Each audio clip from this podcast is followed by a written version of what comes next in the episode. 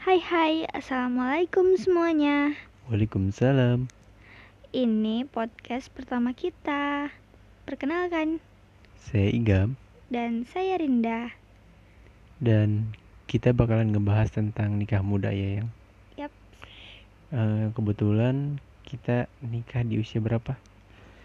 Iya, aku masih di usia 21 tahun Aku 23 tahun dan sayang masih kuliah ya. Ya, dan buat kalian yang angkatan 99 Pasti tahu lah ya Rasanya lagi semester 7 Terus tiba-tiba ada yang ngajak nikah Dan itu pasti rasanya Apa tuh?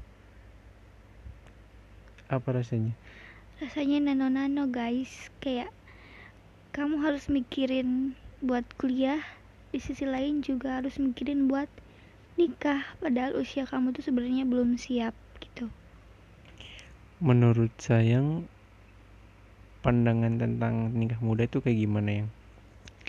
nikah muda itu menurut aku luar biasa sih. Kayak eh, apalagi adaptasinya ya kan.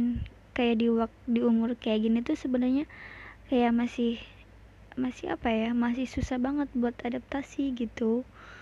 Apalagi lihat teman-teman masih bisa hangout sama teman-temannya sedangkan kita harus ngurusin suami gitu tapi ada serunya juga apa tuh serunya Bisa ya nanti juga kalian ngalamin sih.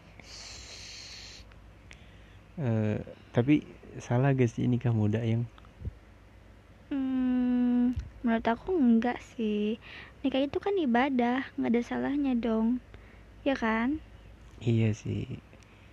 Tapi buat yang kasih motivasi dong buat yang takut nikah muda.